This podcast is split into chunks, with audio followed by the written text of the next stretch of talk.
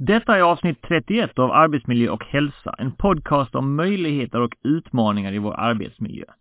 I dagens avsnitt pratar jag med Jenny Edner, psykoterapeut och mental rådgivare till idrottare och företagare.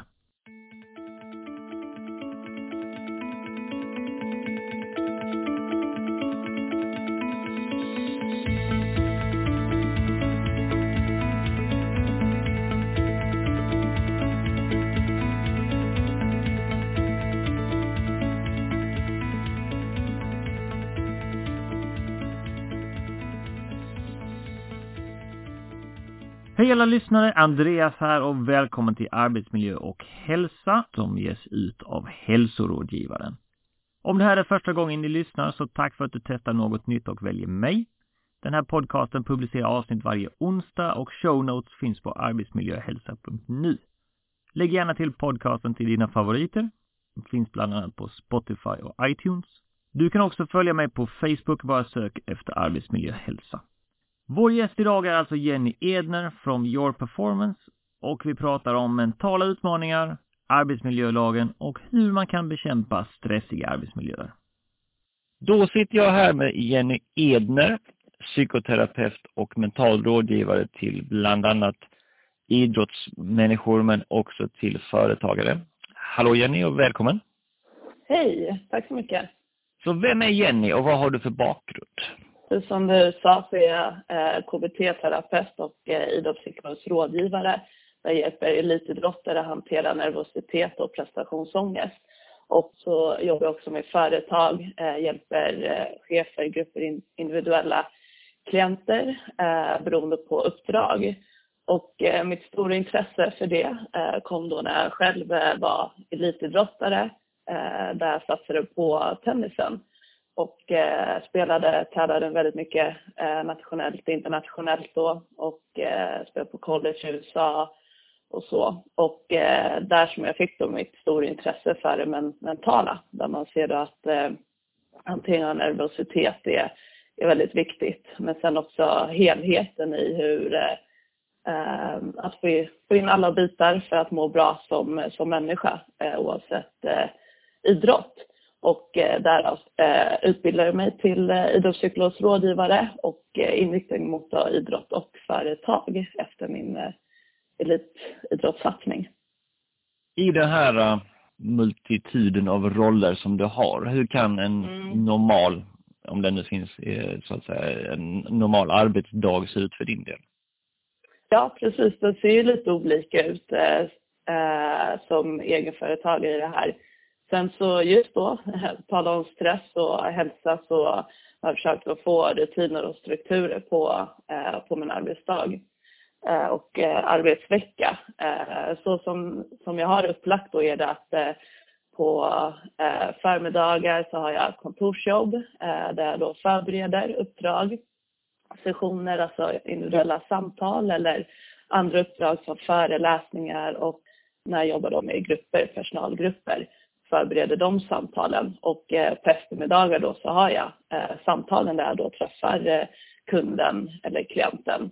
Självklart så är det lite på ibland om det är så att man behöver ha föreläsning på en annan tid, morgonen eller på lunchen och så vidare.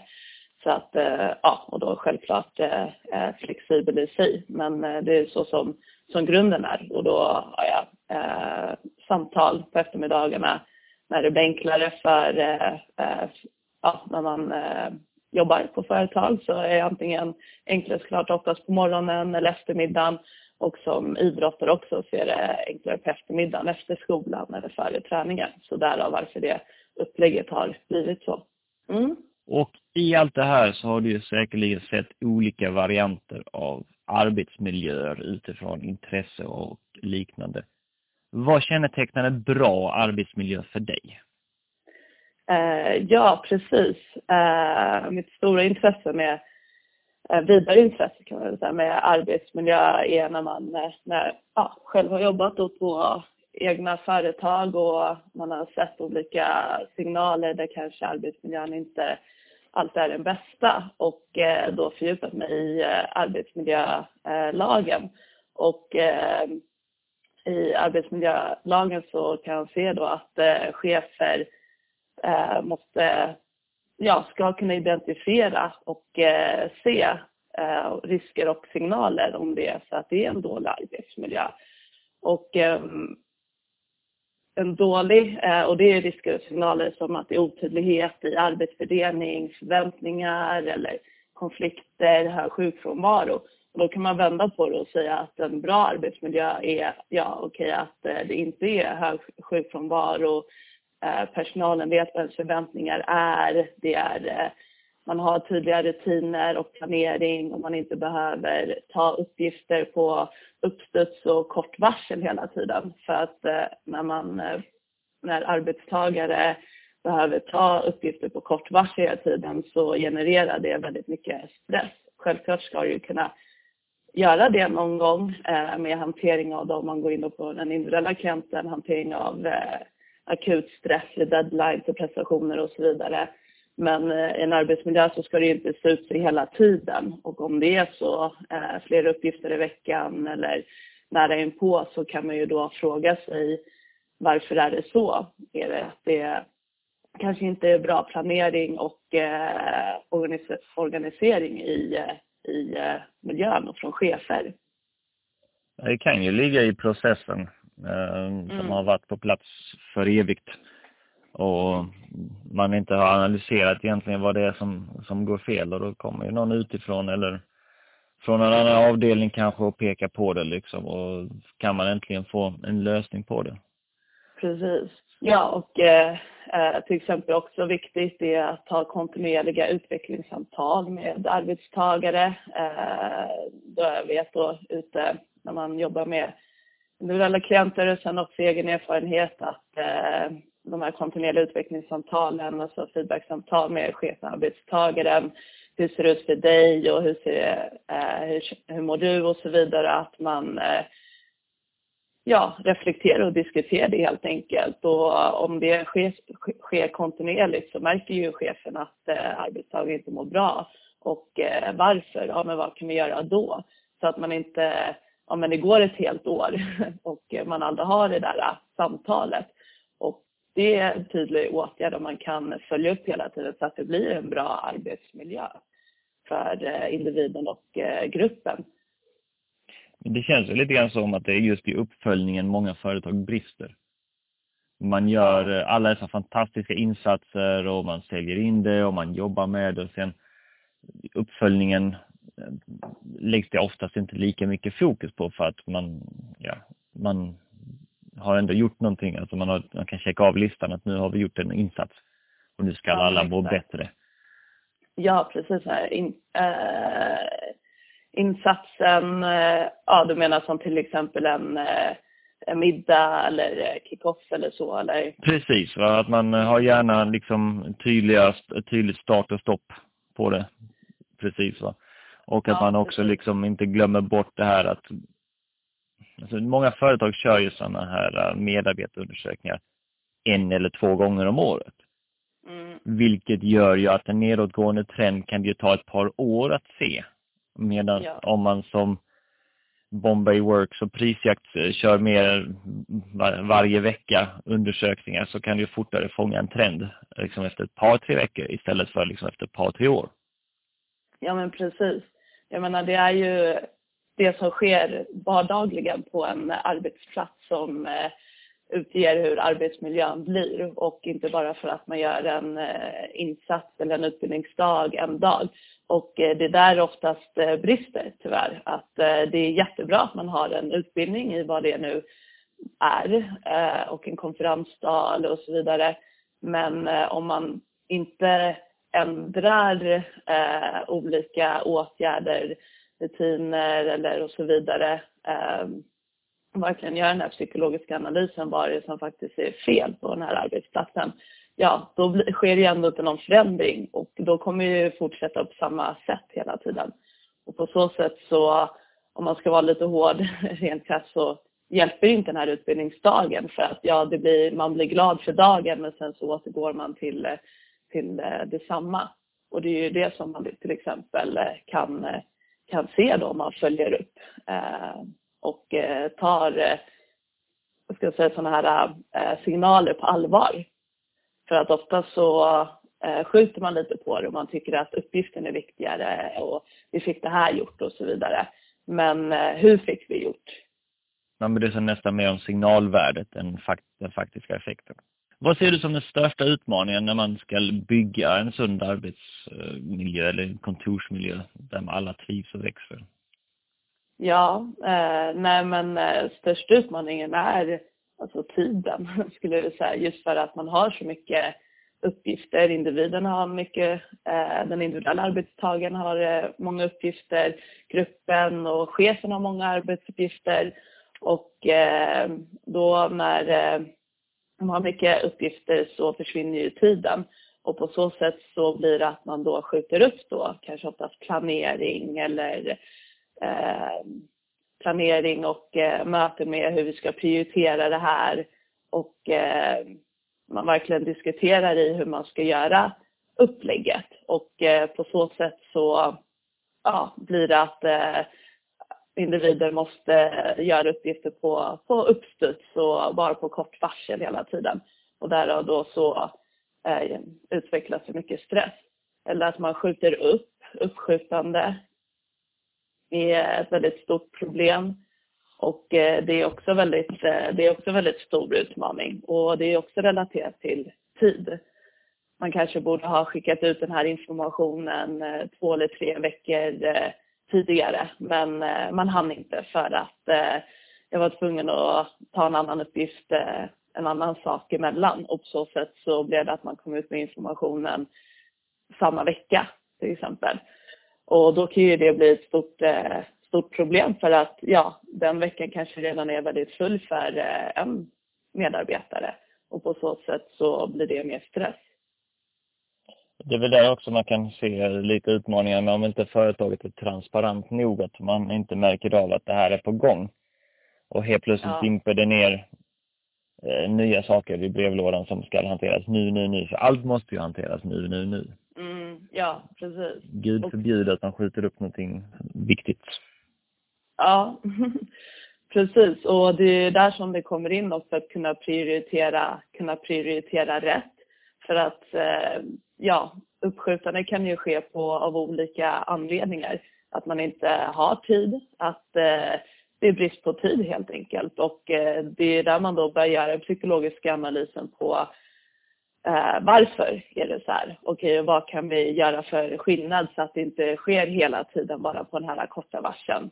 Eller så är det att eh, en person skjuter upp eh, på grund av ångest som är stressrelaterat och på så sätt så blir det att man eh, väljer att vänta med den där uppgiften. Alltså att förbereda den där eh, deadlinen eller presentationen eller eh, texten som jag ska skicka iväg till kunden och så vidare som jag egentligen skulle ha tid för men att jag skjuter upp. Och det är där som ja, det är intressant också med KBT då kommer in för både, ja, för att alla att veta, men om det är då för en individuell medarbetare att lära sig medvetengöra och förstå sina egna uppskjutna beteenden som är på grund av stress eller ångest. Så att det är det som också är väldigt intressant när man kan mer om psykoterapi och KBT och att man kan eh, lära sig se skillnaden på eh, det uppskjutna beteendet om det är relaterat till att eh, ja, tiden inte finns där och då är det ju någonting som eh, chefen och eh, ja, att man måste ändra då så att eh, miljön blir bättre för eh, medarbetaren. Och sen två också är det att okej, okay, eller är det att man skjuter upp på grund av sin egna oro? Och då är det att göra en förändring där.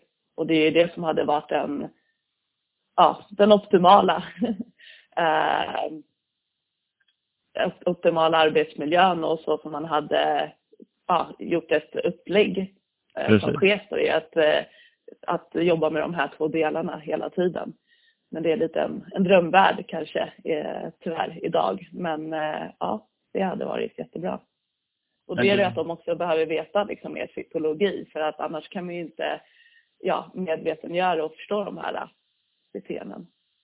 Helt rätt. Va? Och det är ju också, vi är ju i ett, under en längre period har vi varit i ett skifte också. Där mm. arbetsplatserna har förändrats fortare än kanske teorierna för hur man styr en arbetsplats.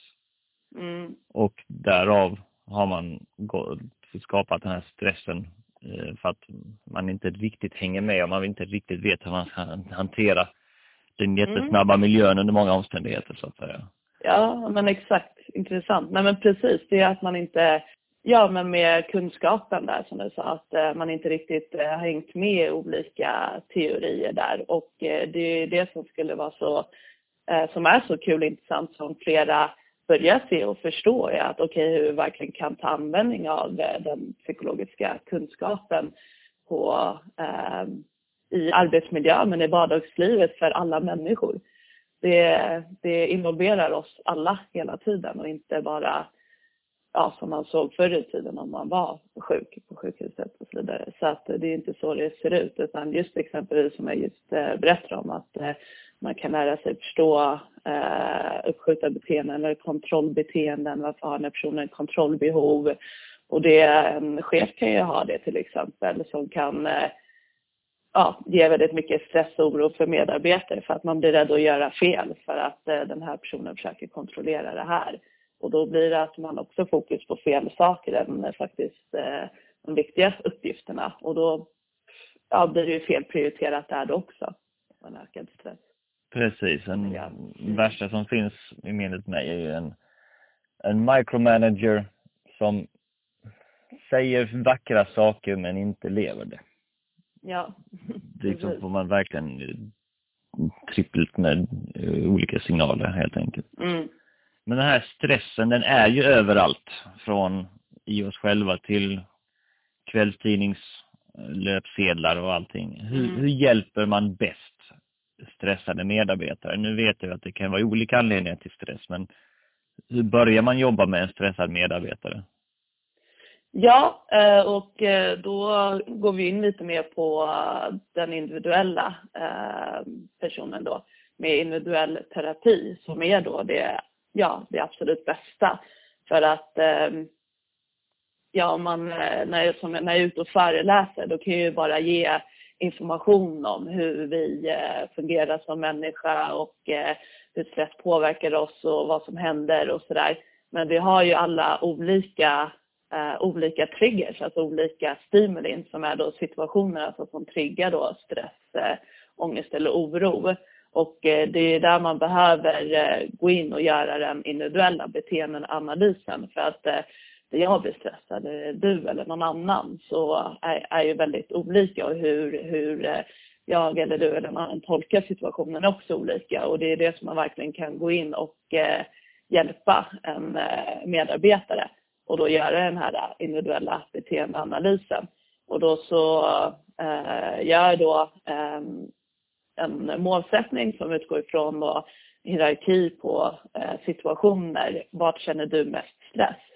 okej, okay, ja, men där inför en deadline eller eh, när jag ska skriva den här texten så vill jag att den ska vara perfekt eller när jag ska ha samtal med chefen eller eh, eh när jag ska ha den här presentationen, på presentationen eller presentera min idé och så, så, kan, så finns det ju väldigt tydliga situationer där man ser Eh, beteendemönster i där en eh, individ blir stressad. Och det är de som är de intressanta att gå in och eh, hjälpa, förändra för då helt enkelt. Och då så tar, man till, jag ger dem då konkreta evidensbaserade åtgärder utifrån KBT i hur de då kan förändra sitt beteende, hantera eh, känslan, sina fysiska symptom som man kanske blir spänd eller skakig eller darrig eller håller andan och eh, tankar, tolkningen då då man oftast eh, tänker mer katastroftankar och ser de värsta scenario. Och det här sker ju så automatiserat så man inte ens tänker på det för att det är så intränat. Man kanske har egentligen börjat träna in det här sedan skolan, från högstadiet, gymnasiet, eh, när man blir nervös inför att hålla den här presentationen. Och så, det, så finns det kvar där. Eh, och eh, på så sätt så sker ju här så automatiskt som man inte ens tänker på att det är sina egna sanningar. Och det är där man då vill eh, eh, hjälper dem att identifiera sina egna tolkningar, tolkningar hur man kan förändra och se på en situation med andra förklaringar. Yes. Så, det är just ja. det här att inte missa individen som tyvärr är någonting många företag ändå lyckas med. Att man ser man har inte tiden där också. Man har inte tid att eh, engagera sig i varje medarbetare, tänker man. Mm. Och därav så, mm. så missar man många tydliga signaler för att man mm. är, tittar för långt fram, helt enkelt. Mm. Ja, precis. Men om man då tar ett steg tillbaka och inser att det här stressen i medarbetaren ligger i just arbetsplatsen. Mm. Ehm, hur går man då in enligt dig för att förändra arbetsplatsen och göra det lättare just med ja. att stressa av och att tillåta imperfektion? Ja, men då, då är det bättre att eh, enligt då Arbetsmiljöverket så ska arbetsgivaren eh, se över de organisatoriska förhållanden på arbetsplatsen för att förebygga risker och kunna identifiera signaler. Och eh, då så ska de kunna identifiera eh, risker som kan öka en dålig arbetsmiljö och eh, kränkande särbehandling är otydligheter vad gäller arbetsfördelningen, förväntningar på prestationer, hög arbetsbelastning, att det ej finns tid till alla eh, uppgifter man inte hinner, hinner med, konflikter eller att det, det är mycket det är omorganisering, eh, omstruktureringar och så vidare som leder då till otrygghet eller andra signaler kunna identifiera om det är ja, hög sjukfrånvaro, samarbetssvårigheter och som eh, ger då minskad effektivitet. Och eh, då så ska chefen ha kunskap om att eh, kunna se de här signalerna då och eh, enligt då lag och föreskrifter så ser man att det här eh, inte, att man ser en signal då som hög sjukfrånvaro, då ska man ha rutiner för verksamheten för att kunna vidta de här eh, åtgärderna. Och eh, det kan ju vara då, och då ska ju då arbetsgivaren kunna systematiskt planera och leda, kontrollera verksamheten på sätt som leder till att arbetsmiljön då blir bättre. Och eh, det är ju då eh, metoder och förslag på metoder är att jobba med kontinuerligt värdegrundsarbete ehm, så att man vet vad som att man tydligt med att okej, okay, det är sådana här beteenden vi vill ha på arbetsplatsen. Eh, att eh, ha utbildningar men att eh, ha då den här samtalen, processen så att man vet hela tiden hur medarbetarna mår och ha också då olika rutiner och information om om då en personal mår dåligt så ska det framgå tydligt vem man ska kontakta och hur man ska kunna gå tillväga.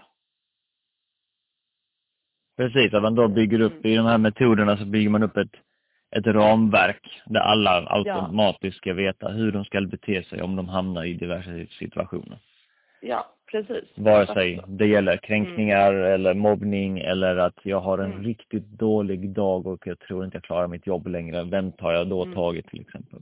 Exakt, precis. Och det är ju att ha den här äh, åtgärdsplanen och metoderna för då, ja men eh, Eh, mot en dålig arbetsmiljö och den då rutinen är ju utifrån att kunna se de här signalerna och riskerna som man tydligt vet och det är som är då på psykologiskt plan. På så sätt så blir ju inte egentligen psykologi så otydligt som många tror. Precis. Och jag mm. tänker den här mentala biten som man då ofta missar. Mm. Är det bara att eh, en, tidsut, alltså en tidsutmaning som gör att man bortsorterar det i jakten på kvartalsvinsten? Eller kan det bottna i det här uh, lite antika, men som, som sagt håller på att förändras, det här tänket att ja men skaka av dig det eller skärp dig eller det här att man nedvärderar den mentala hälsan lite grann. Att ja men kom igen nu, det är inte så farligt. Det löser sig. Ja. Precis, ja det löser sig. Uh, ja, så det, det är ju en liten bit också. Alltså såklart man ser ju i uh, uh, företag eller miljöer där det är eh, högpresterande så är det mycket, det ska bara klara av, köra på och sådär. Lite elittänk kan man eh, säga. Eh, men sen så är det ju mycket brist på kunskap också. Och eh, som jag var inne på tidigare, att kunna se skillnader på, okej, okay, är det här ett eh, kontrollbehov som ja, som eh, har gått överstyr på grund av eh, att personen inte kan hantera sina egna kontrollbehov som då går ut över andra medarbetare och så vidare. Eller eh, att man skjuter upp på grund av sin egna stressångest. Eller är det Eh, eller är det på grund av att eh, det är brist på tid eller eh, att man inte har bra planering och kunna prioritera och så vidare. Så att det är att kunna, liksom, kunna se skillnaden i de här olika beteendena. Och eh, det är ju väldigt komplext. Eh, men att då lära sig eh, mer, mer om det och kunskapen om då som precis sa där med signalerna och riskerna är ju då kunskap om hur det blir om det psykologiskt inte fungerar bra i en grupp. Och att också lära sig det. Och då om man kan det så kan vi då göra med den psykologiska analysen för att kunna förebygga det. Det kanske skulle vara en bra idé just det här att ledare, nya som gamla, fick lite psykologi med i paketet. Så att man ja. kunde lättare se signalerna och inse konsekvenserna av olika saker. Liksom. För jag Precis. tänker eh, metoo, ska man säga, mm. metoo-upproret hade ju stora effekter på bland annat arbetslivet och vår, även vår generella vardag naturligtvis. Och mm. Som jag sett det bara till det bättre. Men jag tänker på arbetsplatsen då och arbetet kring kränkande beteende, trakasserier, mobbning. För vi har ju alla sett och hört en hel del horribla saker ske. Mm. Um, vad är dina tankar kring det? Har det haft en effekt i den bemärkelsen att man tar det mer på allvar, att man inser att lilla gumman och en klapp på rumpan inte är oskyldigt? Ja, alltså jag tycker väl både och. varit med om i grupper och på arbetsplatser där man börjat diskutera det mer på ett eh, ja, öppet sätt och reflektera över sina egna beteenden och sen att eh, man till och med kanske tagit till åtgärder som har en utbildningsdag om vad kränkande behandling är och så vidare. Eh, och beteenden var trakasserier och så, och så vidare. Eh, sen finns det ju de arbetsplatser som inte har det. Man tycker det är viktigt men man, eh, man inte gör någonting åt det. Så att, alltså min känsla är mycket att ofta man vill väl men att man ibland miss, men att man missar ofta att göra, göra rutiner och åtgärder och där hade det ju varit jätte, jätteintressant och bra eh, ja, men att ha en utbildningsdag men sedan att jobba kontinuerligt med värdegrundsarbete.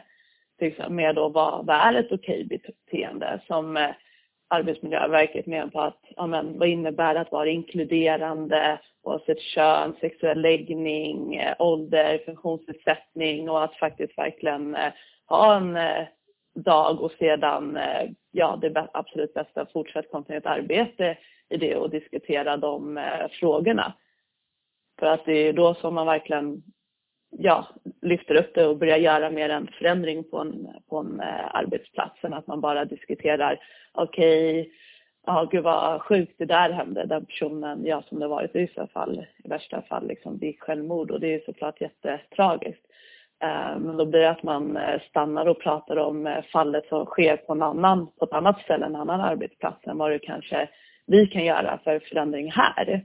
Mm. Undvika samma situation. Liksom. Ja, ja exakt.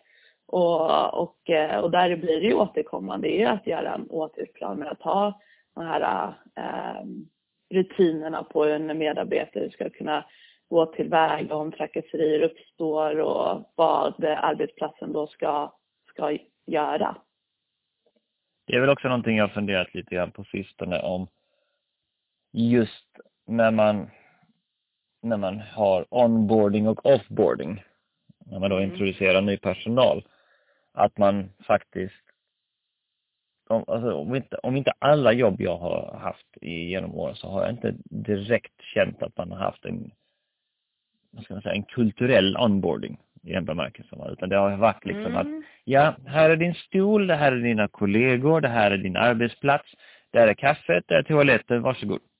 Alltså ungefär. Mm. Man har liksom inte haft eh, en två timmars föreläsning om eh, värderingar utan det känns det lite grann som att man bara förväntar sig att folk ska ha läst på innan. Ja, nej men exakt. Det är en jättebra eh, idé och en väldigt tydlig då åtgärd eh, är ju eh, sen så att okej okay, att, gå, att gå igenom eh, den policyn, alltså tydligt och ta det på, på allvar. Ofta ser jag att man bara får det här pappret, det här är vår policy.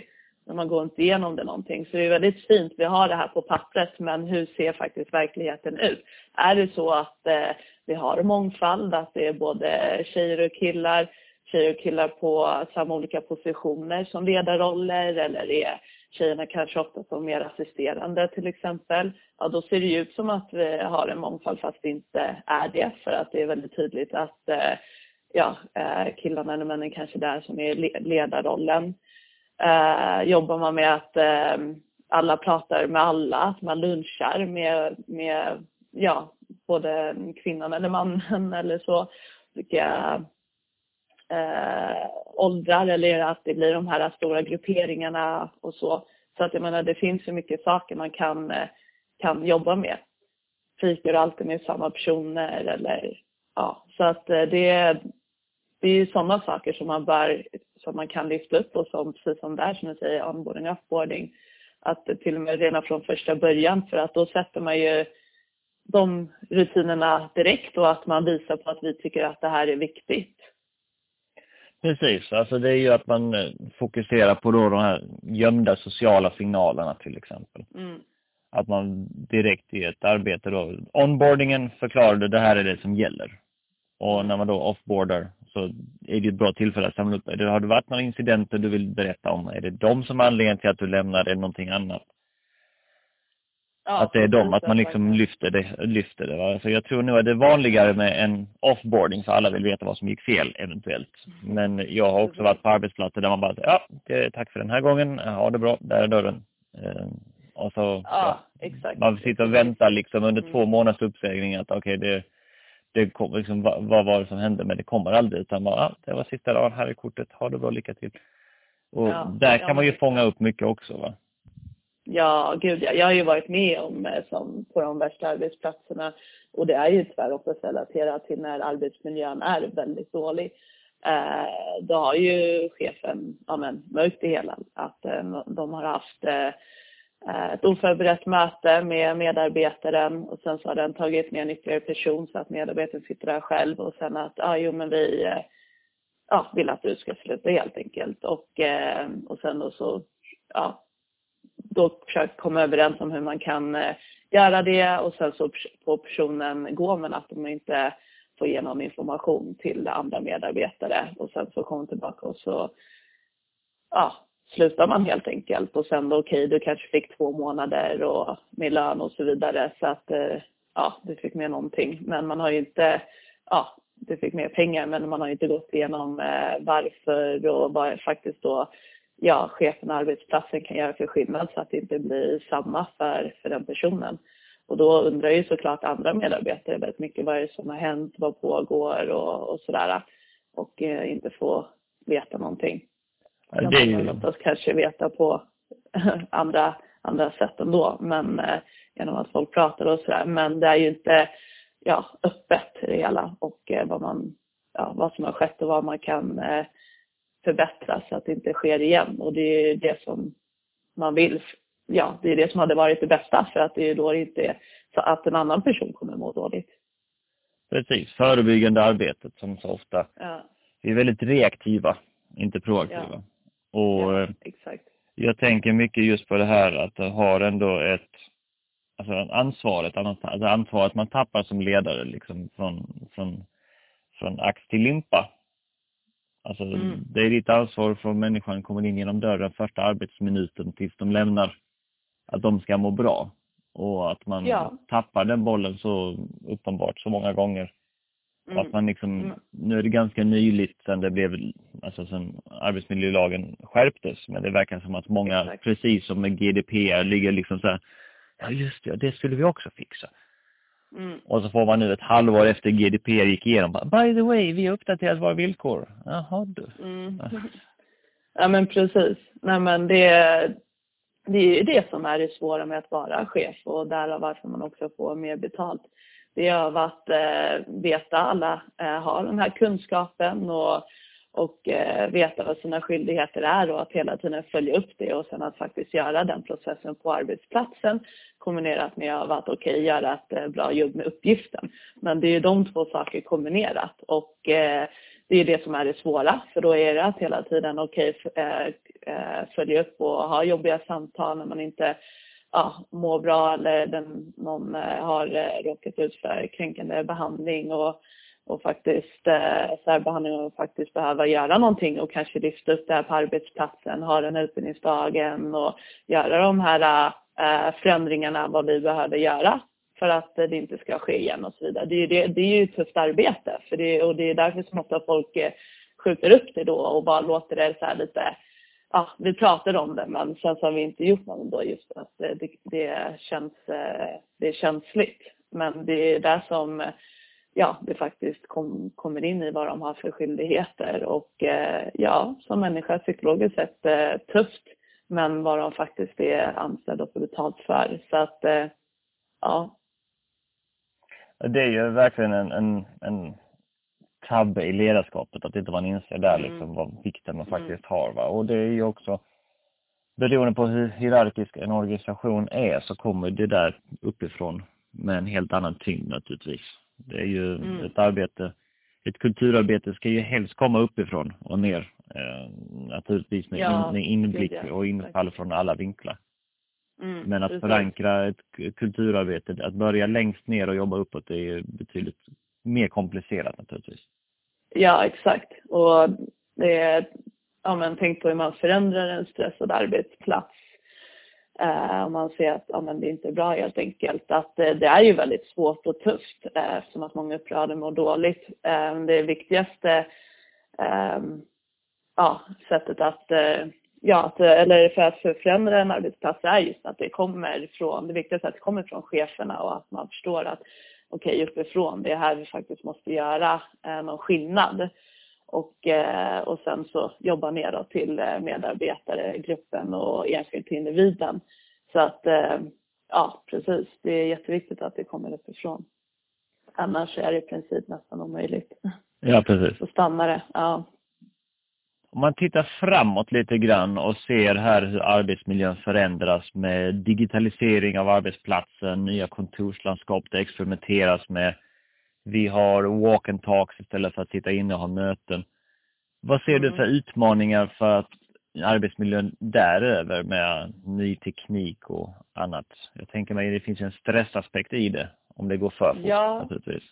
Ja, exakt. Och när du säger för fort, det är just det som jag, ja, som jag är inne på där, som jag tänkte på er av att eh, uppgifter ska, ännu mer uppgifter ska ske på kort varsel och man tror att det, det är bara att göra. Det är inga problem, det hinner vi med, det fixar du. Att eh, den, eh, den inställningen, attityden eh, ökar ännu mer. Och det är den som man ser väldigt tydligt ökar stressen.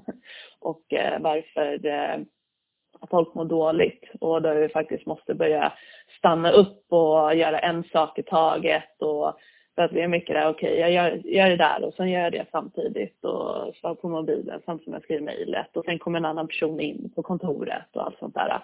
Och det blir avbruten hela tiden och eh, eh eftersom att det är kontorslandskap då. Så att jag menar det, ja sådana saker då ökar ju ännu mer och det är det som blir den stora utmaningen då så att inte det blir eh, sämre och värre. Det är precis som eh, jag har märkt nu att det var ju, är det ju fortfarande till viss del, en stor respekt, eller vad säga, en stor viktig punkt med multitasking till exempel. Mm. När man, eh, det har blivit lite förändring, men tittar man på jobbannonser förr i tiden så var det liksom, ja det är jätteviktigt att du kan multitaska och sånt här. Och nu visar mm. ju mer och mer forskning på att, ja men det är inte så förbaskat bra, men Nej. arbetsplatserna i sig är fortfarande väldigt mycket inriktade på multitasking. För mm. En del ledare och kollegor kan liksom, okej okay, men har du suttit med det här i tre timmar? Mm. Alltså, vi har massa grejer vi ska göra. Och, och, så blir det liksom att alla andra springer runt och jonglerar 51 uppgifter och så är det några få som sitter och jobbar med varje enskild eh, uppgift tills den är klar och så har man liksom helt plötsligt en, en eh, oförståelse för varandra. Man tappar toleransen på hur folk faktiskt jobbar mest effektivt. För att det är ju inte så att det finns bara ett sätt att jobba heller. Nej, nej, exakt, verkligen inte. För vi är ju olika personligheter. Så att, eh, ja. Och jag tänker det... nu där liksom när man kör med öppna landskap och man provar med olika typer av satellitkontor och annat Och att vi är så snabba. Låt gå att det måste ju finnas någonting att forska på innan vi kan säga att det är bra eller dåligt. Va? Men hur, hur många snabbt hoppade på olika nya modeller och sen så visar det sig att ah, men det här var en stor investering och det visar att det hjälper oss inte för fem öre. Mm, exakt. Och så ska man då någonstans bläddra tillbaka. Mm, Och ja, jag läste en fruktansvärt intressant artikel faktiskt om att de hade gjort lite analyser på hur det här med Open Landscape hade haft för effekter utifrån, ja, utifrån det beteendet på arbetsplatsen och att vissa kvinnor som de hade undersökt på de här arbetsplatserna hade upplevt att ja men nu var det så här glasfönster eh, istället för väggar liksom, vilket gjorde liksom Mm. om man var kjol, hade kjol och liksom tappade någonting så liksom ja, fanns det tillfälle för killar liksom att sitta och titta på en när man skulle kravla efter det. Alltså Oj. det här liksom att det, Mm. det, det ledde till en punkt där kvinnor kände liksom att de ville, alltså de bytte klädstil. För Ja, alltså, kränkta. ja precis, de blev mer klä- kränkta, det var mer Mm. hungriga ögon, man skulle mer tänka på Mm. vad man hade på sig och på ett sätt så att det blev Mm. helt plötsligt blev det nästan, det, det, kontorslandskapet Oj, i sig ja. blev nästan en, en, en enabler för kränkande Ja. beteende så att säga. Ja. Och jag ska leta fram den Mm. artikeln och kommer lägga den i show notesen också för att eh, det är Ja. faktiskt en riktig eye-opener i, Ja, i sådana här ting som jag tror inte allt för många tänker på. Ja, men, det är väl ja. trevligt att vi kan se varandra. Jo, jo, men det beror också på vem du vill bli tittad Hur? på av liksom och, Mm. och den aspekten. Ja, verkligen. Ja, det är ju ett väldigt stort problem. Så att, eh, ja, och bara det som att ljud stör i kontorslandskapen, det är ju inte kränkande som det där, men bara det är ju ett problem. Så det där blir ju, ja, ännu värre i det hela. Att det stör och man går in och stör varandra och plus av att, ja, eh, som studien visar där, att man känner att eh, man har fler ögon som kollar på en och så vidare och behöver tänka på det och det är ju väldigt stressande. Så att, eh, ja, det finns många saker som visar på att det inte är bra. Jag vet ju, ja men eh, landskap där, ja men som öppnar då kontorslandskap och där folk sitter med hörlurar eller eh, eh, inte hörlurar musik utan så här med, ja man, eh, det? Ja men precis en cancelling lurar, liksom, ja. ja. eh, ja, att dämpa ljudet helt enkelt. Och bara det visar ju på att det inte, att det inte går. Ja, Men det är också, där har man ju missat, alltså det är ett, ett ganska bra exempel på, okej, här har vi 200 anställda, de är alla exakt likadana, nu trycker vi in dem i den här modellen. Mm. Och så har du liksom kanske 50 pers eller 70 pers som är liksom mer av det introverta slaget som liksom behöver lite egen tid emellanåt. Va? Exakt. Och på en Ja, arbetsmiljö, en, arbets, en arbetsmarknad där man premierar fortfarande väldigt mycket extroverta värderingar och tankesätt va? så blir de än mer klämda i ett sånt landskap till exempel. Mm, precis. Ja, och sen så finns det ju studier, psykologiska studier som visar på att det tar ju, det tar ju tid, alltså tio minuter så att eh, få tillbaka fokus på uppgiften om man blir störd på olika sätt. Och ja, du kan ju bli störd på olika sätt. Som sagt, när någon kommer in eller eh, du känner att någon kollar på en eller telefonen ringer eller och så vidare. Så, eh, och eh, på så sätt så blir det en försämrad eh, ja, arbetsmiljö för att individen blir mer stressad för att man inte kan hålla fokus på, på uppgiften och få den klart. Och, och sen känner sig dåligt som, som tidigare sa att oj, tog det här tre timmar? Men ja, det finns tydliga saker till varför det gjorde det. Där man kanske bör eh, ta till, eh, eh, vidta åtgärder istället för att eh, klanka ner och lägga skuld på individen. Precis. Mm. Jenny, som lite avslutning här, har Mm. du någon särskild bok eller metod som du känner har gett dig mening och riktning i ditt arbete? framförallt egna erfarenheter i där man märker att det inte fungerar har gett mig en väldigt tydlig eh, riktning just eh, gällande ledarskap och eh, arbetsmiljö.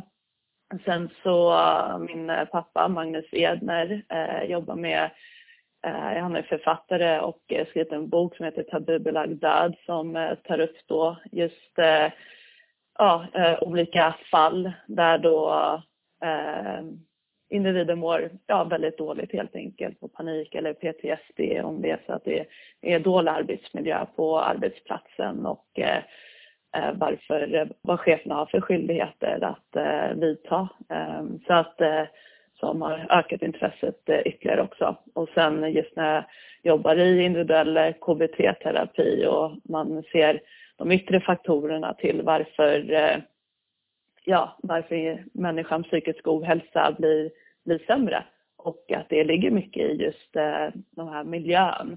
Och då kan det vara en dålig arbetsmiljö på företag, kan vara en dålig arbetsmiljö på en idrottsförening så vidare som egentligen är det som är anledningen som gör faktiskt att eh, individen har prestationsångest. Och eh, då är det ju de åtgärder man ska ta, ta till. Och eh, det, det har gett mig mycket mening till av att eh, fortsatt jobba vidare med, med de här frågorna. Ja. Mm. Och som då absolut ja. avslutning, har du några korta arbetsmiljötips att skicka med lyssnarna? Ja, nej men då skulle jag säga det som vi har pratat om eh, är just att vara uppmärksam på signaler och risker. Är det så att det är hög sjukfrånvaro, samarbetssvårigheter, man, nyrekryteringar som tar egentligen mer pengar än av att eh, eh, vara uppmärksam på vad som är dåligt på arbetsplatsen och så vidare. Att eh, faktiskt förstå att de här eh, händelserna, liksom beteendena är relaterade till eh, psykologin och att det inte fungerar och att det i sig blir lika tydligt som något annat materialistiskt, att man har det mitt framför ögonen. Och eh, ser man detta, att identifiera och vara uppmärksam på det och eh, då bör man faktiskt göra någonting åt det. Perfekt Jenny. Ja. Tack så jättemycket för att du tog dig tid att dela med dig av dina erfarenheter och din kunskap. Ja, tack själv. Det var jättekul att få vara med. Det var allting från Arbetsmiljö och hälsa-podden för den här veckan. Jag hoppas att ni tyckte om dagens avsnitt och att vi får äran att ha er som lyssnare även nästa vecka.